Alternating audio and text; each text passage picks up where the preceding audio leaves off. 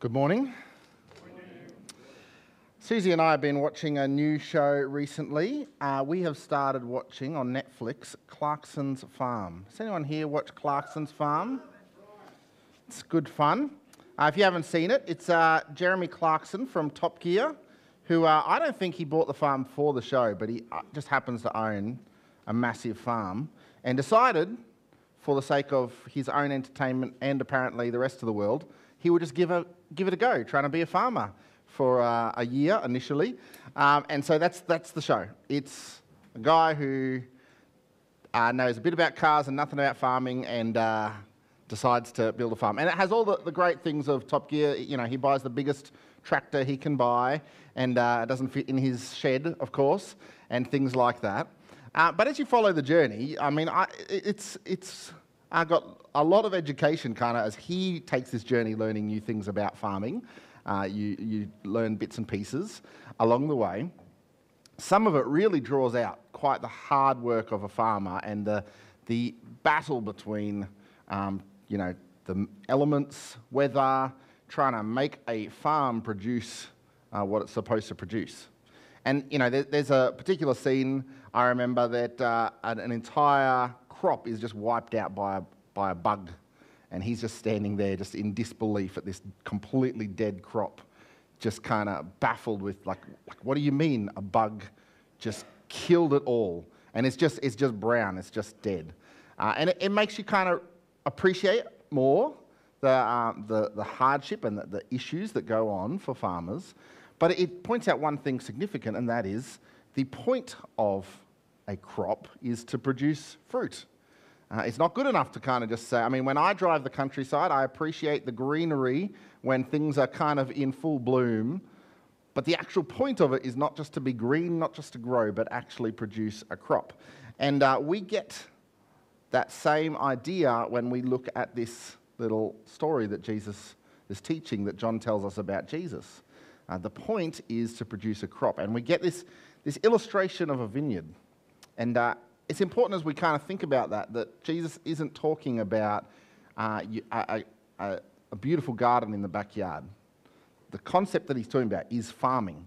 He is talking about something that we don't just want to grow because uh, it's going to look nice, but actually grow fruit because that is its purpose.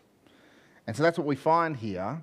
Uh, the message here is that uh, Christians are called to produce fruit.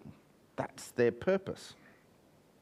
Now, as I looked at this passage, I realised this is the third time I'm coming around to John 15 to preach on John 15 in the last three years, uh, which is actually quite unusual to kind of come around to a passage. And, and because we have a team of preachers, it's even more unusual that I have preached it a couple of times. If you don't remember that I preached it, that's all right. I also had to look up what I preached. And uh, the point of preaching is not actually that you remember the exact sermon, but that we grow in learning together.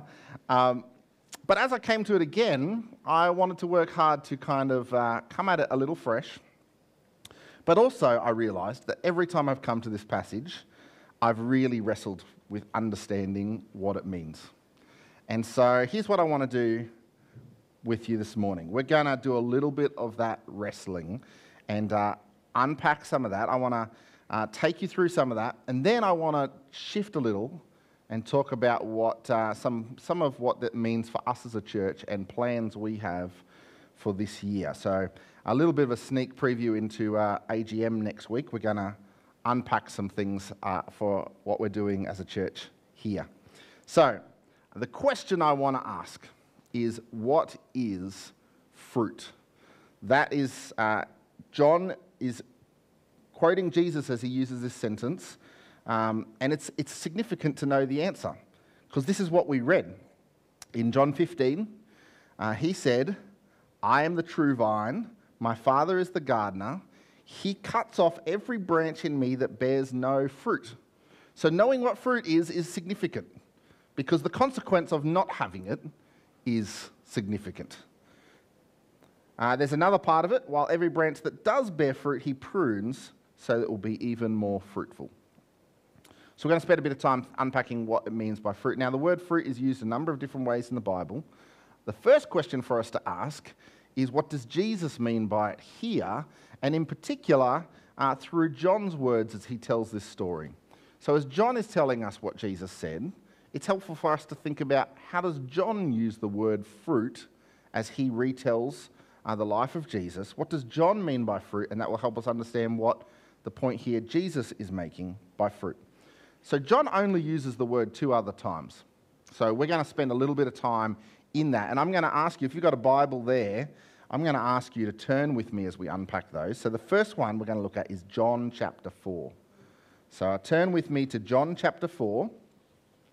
Uh, John chapter 4, it's, it's, you know, it's early in John, it's early Jesus' ministry.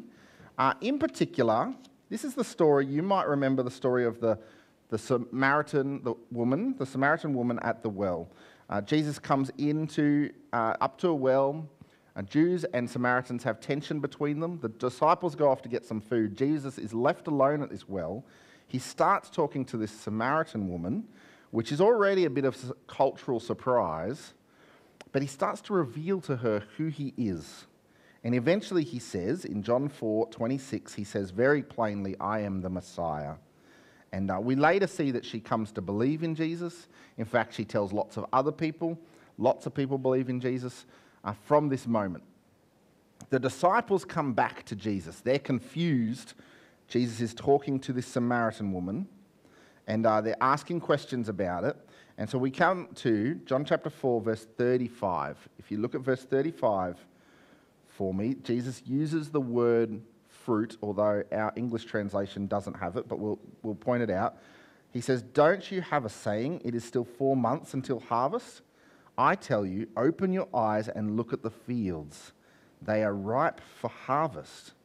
Even now, the one who reaps draws a wage, and the one who har- and harvests a crop for eternal life. The word we're after is that word crop, that is the word fruit. Um, slightly clearer, the NIV translation says, and the fruit they harvest is people brought to eternal life. That's, that's the word fruit. So, what does Jesus mean when he says fruit here in John chapter 4? He means salvation of people into eternal life. So, fruit means here uh, people coming into eternal life. That's, that's what it means here. Okay, that's John 4. The next one we've got is John 12. So turn with me to John 12. This is getting us closer to John 15, where we were. John 12, Jesus is coming into Jerusalem. There's the triumphant entry. Lots of people are kind of celebrating Jesus. Uh, there's a number of people that seem to have genuine belief in him. We're going to see as the story continues that many turn against him, reject him, and he's crucified, and lots of people are crying out, Crucify him, only a few days later. But it seems like John is telling us there is a number of people that are genuinely believing in Jesus. We're told some Greeks come up and they say, Can we see Jesus? The disciples go tell Jesus um, that they're there. And we come to verse 23. So, John chapter 12, verse 23. Jesus says this Jesus replied, The hour has come for the Son of Man to be glorified. And he's talking about himself. He's the Son of Man, using an Old Testament term. And he's talking about his death and resurrection. So he's saying the Son of Man to be glorified. That's what he's talking about. And then he gives them this little parable, this little illustration. Very truly, I tell you, unless a grain of wheat falls to the ground and dies, it will remain only a single seed. But if it dies, it produces many seeds. The words there are literally much fruit.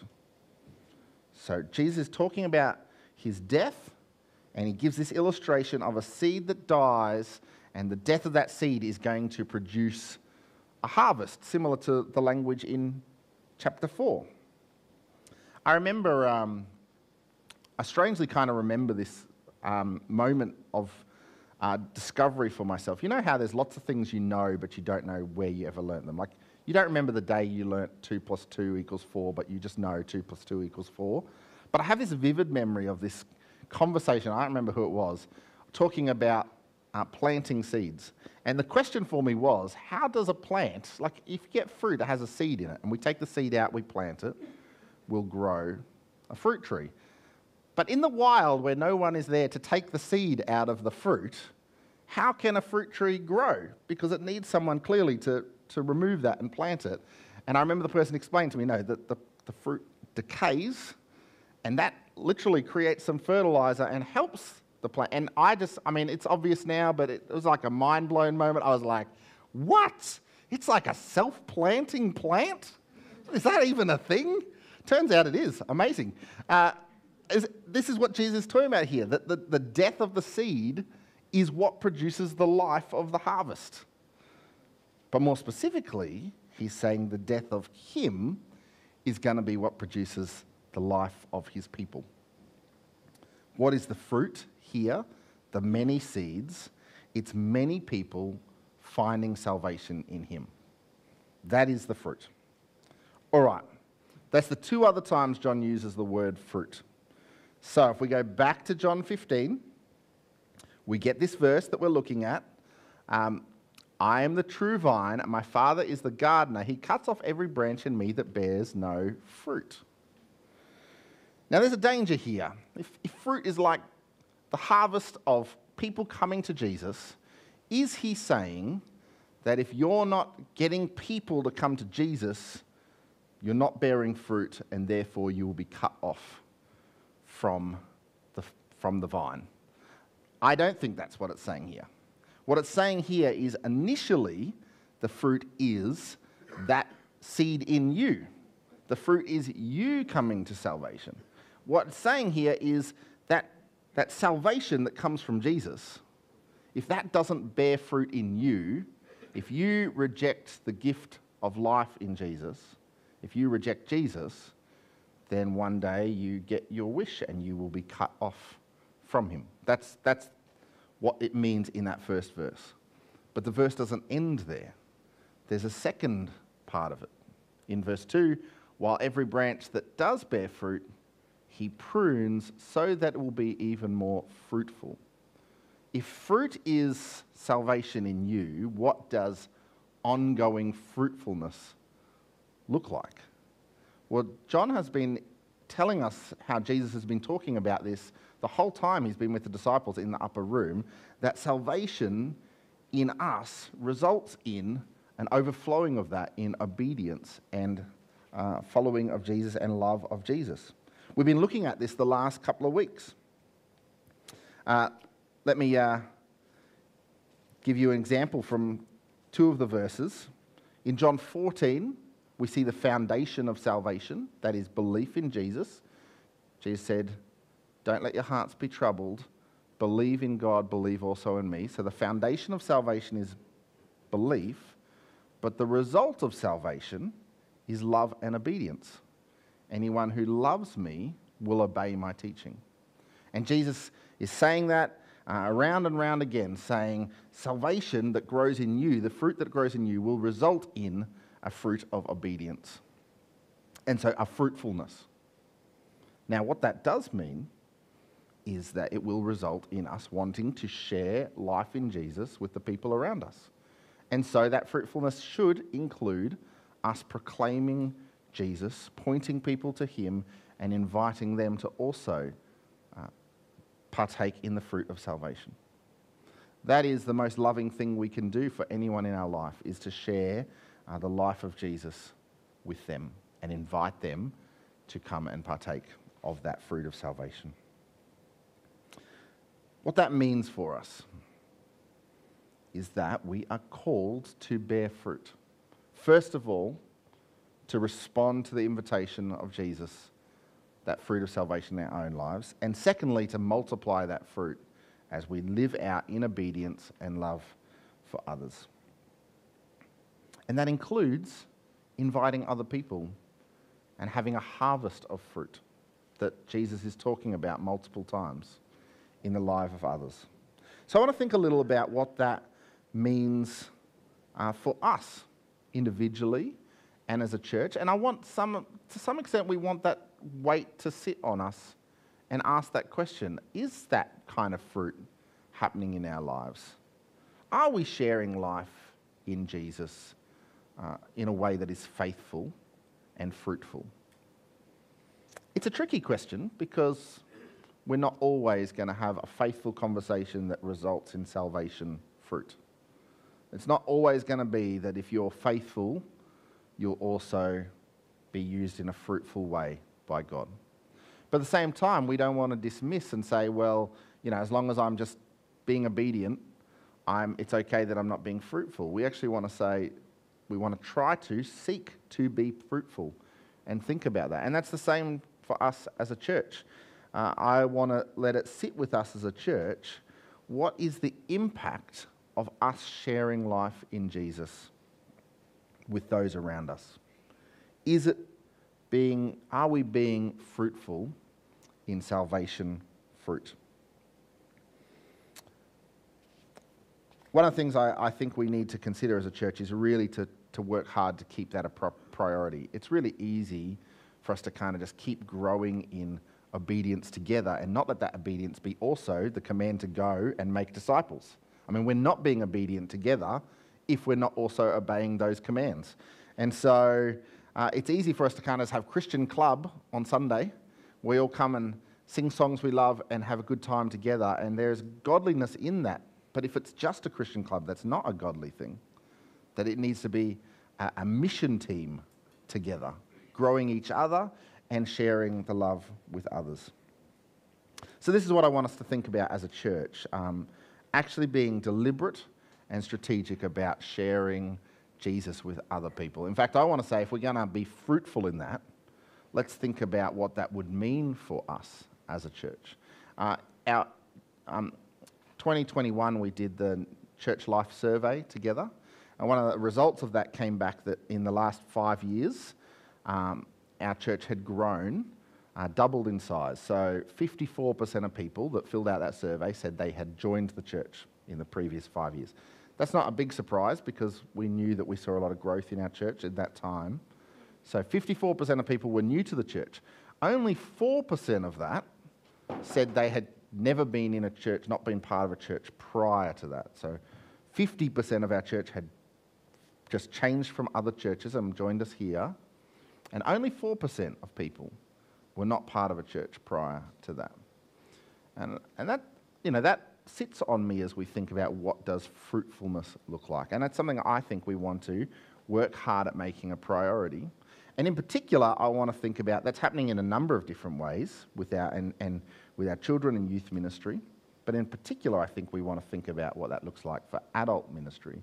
One of the priorities we've kept as a church, even though we're in a high family area, a priority we've kept as a church is to keep looking towards uh, adult ministry, in part because it's the harder ministry to do. So we deliberately didn't employ a children's worker in our church, and we're feeling the weight and pressure of that. Um, Melissa who was actually employed to supervise kids' ministry, uh, amongst other things, at the moment is running our kids' program because we are just not able to find the, the person to do that since Suella finished up. And so she's in that role, but that's not actually what she's been employed to do, and that's a stretch for us. And the reason we're stretching that way and not just employing a children's worker is we want to keep focusing in on adult, adult ministry. So let me take you through a few things. One is I want us to um, have a, a goal as a church to seek to um, connect five people that in this next year we would pray that five people might personally discover life in Jesus. Now, to some extent, that number feels quite low, but if we're saying in five years we had 4%, which would have been about four or five people, then we're multiplying our fruit quite a lot in that. Five people personally discovering for the first time life in Jesus.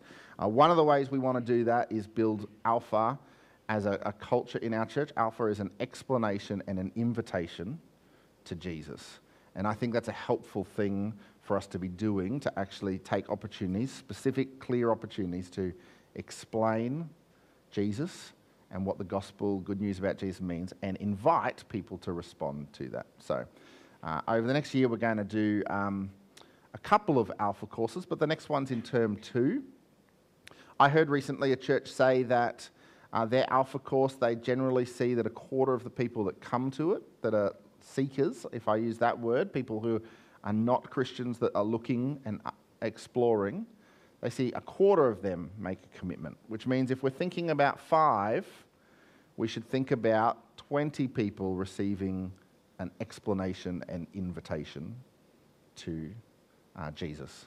That, that predominantly we're saying through Alpha doesn't need to just be Alpha, and you might have a personal opportunity in your life to explain Jesus to someone and even invite them to make a commitment.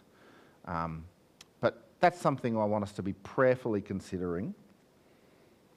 Let me tell you what that looks like for us, uh, just thinking through some of our strategies as a community. Um, we're going to run it in term two, just after Easter. And um, the best way for people to come along is for personal invites. We will do a lot of things as a church. We will advertise, we will communicate with the community it's happening. But the absolute best way to get someone to come along to something like that is to be invited by someone and uh, come along with them to that course and say, I'll come with you, let's do this together. And so that's, that, that's I want to encourage you to be praying into that, praying for opportunities, praying for each other to have opportunities, praying in your small groups uh, for people in your life that you might invite. Uh, on the top there, I've also got that our other ministries will be doing that. Um, our playtime ministry, for example, uh, we have connected with kids but also parents, and we will be uh, praying into that ministry and inviting them from there, plus our youth life, um, and even from here when we gather on Sundays, inviting people to go along and do that. Um, we've been telling you, we said this last year, we're going to run a holiday kids club. We're going to take a slight shift on that. If our priority is to kind of keep connecting with adults, and I think one of the best ways we can have effective ministry to kids is through also their families. Um, if we want to see kids connected into church life, it's going to be through their families.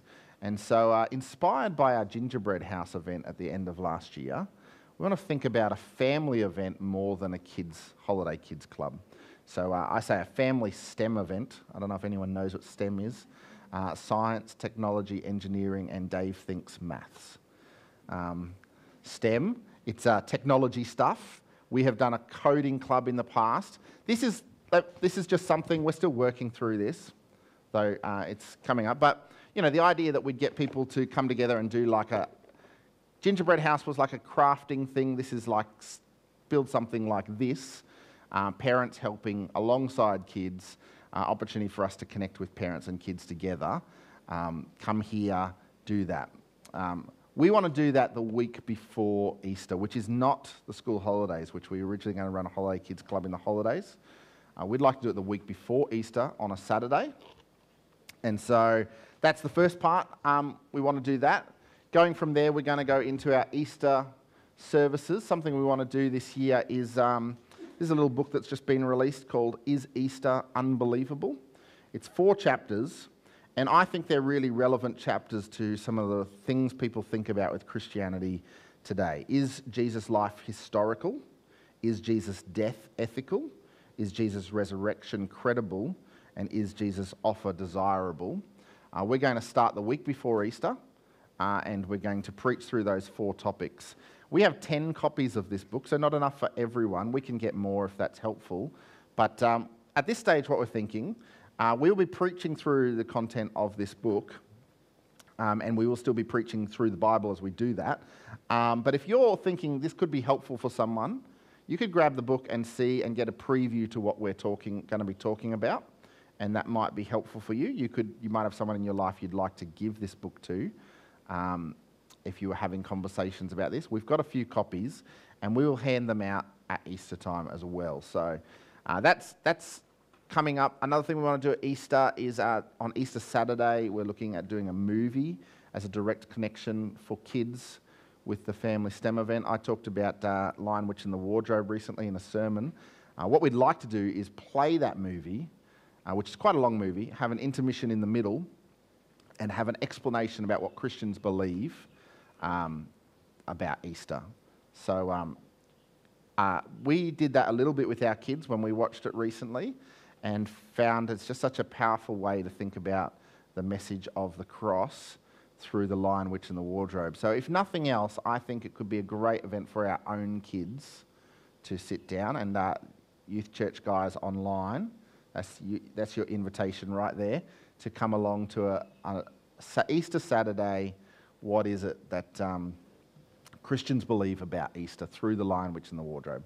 And then Easter Sunday, we'll have our normal big um, Fun Day Sunday family event at 10 a.m., which will include uh, barbecue and jumping castles and things like that. Last thing I got, last two things. After that, we're going to run our women's night chapel, which is always geared towards uh, outreach, and also we want to put on a men's event as an opportunity to connect uh, men in. Both those events, we want to deliberately be focused on sharing the good news of Jesus. A happy byproduct of those events is community amongst the people that come and growing in our faith in Jesus together. But the strategy, the focus is actually opportunity to connect people to Jesus. Uh, and all that is going to be pointing people towards Alpha. That's some of what we're thinking. Now, at the end of it all, um, we plant seeds, we share the gospel. Actually, the work of salvation is Jesus. And so it's going to be really important that we're praying about this. Uh, we want to be reminded that the fruit of salvation uh, is what God does in us. And when we share it with others, He is the one that does it in them. And so we want to uh, have those opportunities. We don't know what God will do. I mean, maybe we will see more than those numbers, more than five people connected into Jesus. Maybe we'll see less. What we want to know is that we are being faithfully obedient in seeking to bear fruit. And I invite you uh, over the next little while, that's uh, Easter is only a month away, so we're rolling into this quite quickly from here. And uh, it's not going to be the only time we'll run Alpha. And third term, we've got a, another mission happening combined with the other campuses. So uh, we will see a few opportunities through the course of the year. But would you join with me as we seek to be a church bearing fruit? And would you join with me in praying that we might see that and that God might use us in that way. Let's pray. God, we thank you for the fruit of salvation that uh, you were the seed that died uh, in order to bring life and a harvest of life. We thank you uh, for that opportunity, for that fruit of salvation to grow in our own lives. We pray, Lord, that uh, you will be growing that in us. I pray for anyone here who is not sure where they stand uh, with Jesus.